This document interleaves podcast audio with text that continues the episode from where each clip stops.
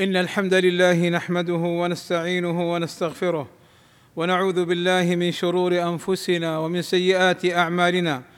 من يهده الله فلا مضل له ومن يضلل فلا هادي له. وأشهد أن لا إله إلا الله وحده لا شريك له.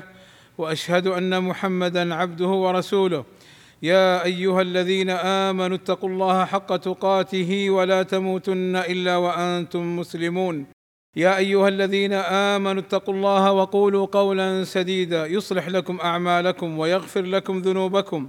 ومن يطع الله ورسوله فقد فاز فوزا عظيما. إن أصدق الكلام كلام الله وخير الهدى هدى محمد صلى الله عليه وسلم. وشر الأمور محدثاتها وكل محدثة بدعة وكل بدعة ضلالة وكل ضلالة في النار. أما بعد فيلاحظ على بعض المصلين أنه يركع قبل الإمام وهذه هي المسابقة التي نهى عنها رسولنا صلى الله عليه وسلم. فلا يجوز الركوع قبل الإمام ولا السجود قبله. قال صلى الله عليه وسلم لا تبادر الإمام إذا كبر فكبروا وإذا قال ولا الضالين فقولوا آمين وإذا ركع فاركعوا.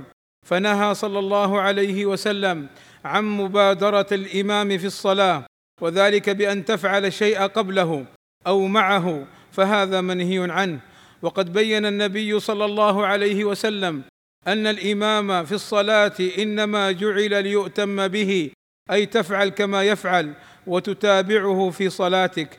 قال صلى الله عليه وسلم إنما الإمام ليؤتم به فلا تختلفوا عليه فإذا كبر فكبروا وإذا ركع فاركعوا وإذا قال سمع الله لمن حمده فقولوا اللهم ربنا لك الحمد وإذا سجد فاسجدوا وإذا صلى جالسا فصلوا جلوسا أجمعون.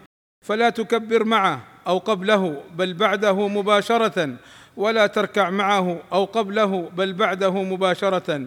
وفي التأمين بعد أن يشرع في قول آمين يؤمن المأموم وله أجر كبير قال صلى الله عليه وسلم. إذا أمن الإمام فأمنوا فإنه من وافق تأمينه تأمين الملائكة غفر له ما تقدم من ذنبه. فمن الخطأ الذي نراه من بعض المصلين أنه يؤمن قبل تأمين الإمام. وكذا من الخطأ الذي نراه من بعض الأئمة أنه لا يؤمن أصلا أو يؤمن متأخرا جدا. والصواب أن الإمام يشرع في التأمين بعد قول ولا الضالين ثم يدخل معه المأموم في التأمين وبهذا يرجو المسلم حصول الأجر والثواب. وفي السجود نرى بعض المصلين يكاد يسجد قبل الإمام من استعجاله. قال عمرو بن حريث رضي الله عنه صليت خلف النبي صلى الله عليه وسلم وكان لا يحني رجل منا ظهره حتى يستتم ساجدا. وإذا كان الإمام ثقيل الحركة بسبب كبر سنه فلا يتقدم عليه أيضا. قال صلى الله عليه وسلم إني قد بدنت أي كبرت سني فإن ركعت فاركعوا وإذا رفعت فارفعوا وإذا سجدت فاسجدوا ولا ألفين رجلا سبقني إلى الركوع ولا إلى السجود. ومن الأمور التي نهى عنها رسول الله صلى الله عليه وسلم أن يتحرى ويتعمد المتطوع الصلاة مع طلوع الشمس وغروبها. قال صلى الله عليه وسلم لا تحروا بصلاتكم طلوع الشمس ولا غروبها فإنها تطلع بقرني شيطان. وقوله صلى الله عليه وسلم بقرني شيطان القرنان ناحيتا الرأس وهو على ظاهره. والله أسأل لي ولكم التوفيق والسداد وأن يغفر لنا الذنوب والآثام. إنه سميع مجيب الدعاء. الحمد لله رب العالمين والصلاة والسلام على المبعوث رحمة للعالمين. وعلى آله وصحبه أجمعين عباد الله.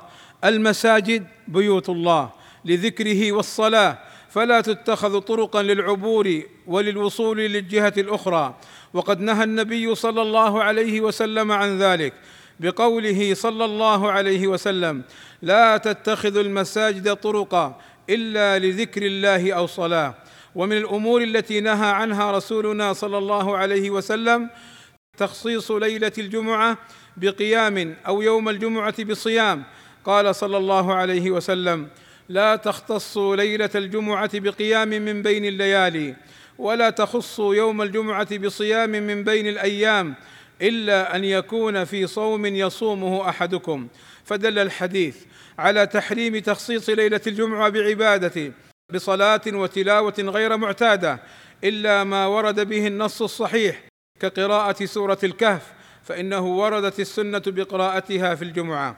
وفي الحديث دليل على أنه لا يجوز للمسلم أن يخصص عبادة من نفسه بل لا بد أن يدل الدليل على مشروعيتها.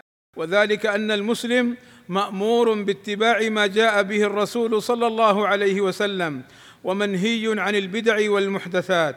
عباد الله إن الله وملائكته يصلون على النبي يا أيها الذين آمنوا صلوا عليه وسلموا تسليما. فاللهم صل على محمد وأزواجه وذريته كما صليت على آل إبراهيم. وبارك على محمد وأزواجه وذريته كما باركت على آل إبراهيم. إنك حميد مجيد. وارض اللهم عن الخلفاء الراشدين أبي بكر وعمر وعثمان وعلي. وعن جميع أصحاب النبي صلى الله عليه وسلم والتابعين لهم بإحسان. وعنا معهم بمنك وكرمك. اللهم آتنا في الدنيا حسنة وفي الآخرة حسنة وقنا عذاب النار. اللهم اغفر للمسلمين والمسلمات والمؤمنين والمؤمنات الأحياء منهم والأموات. والصلاة والسلام على المبعوث رحمة للعالمين وعلى آله وصحبه أجمعين. والحمد لله رب العالمين.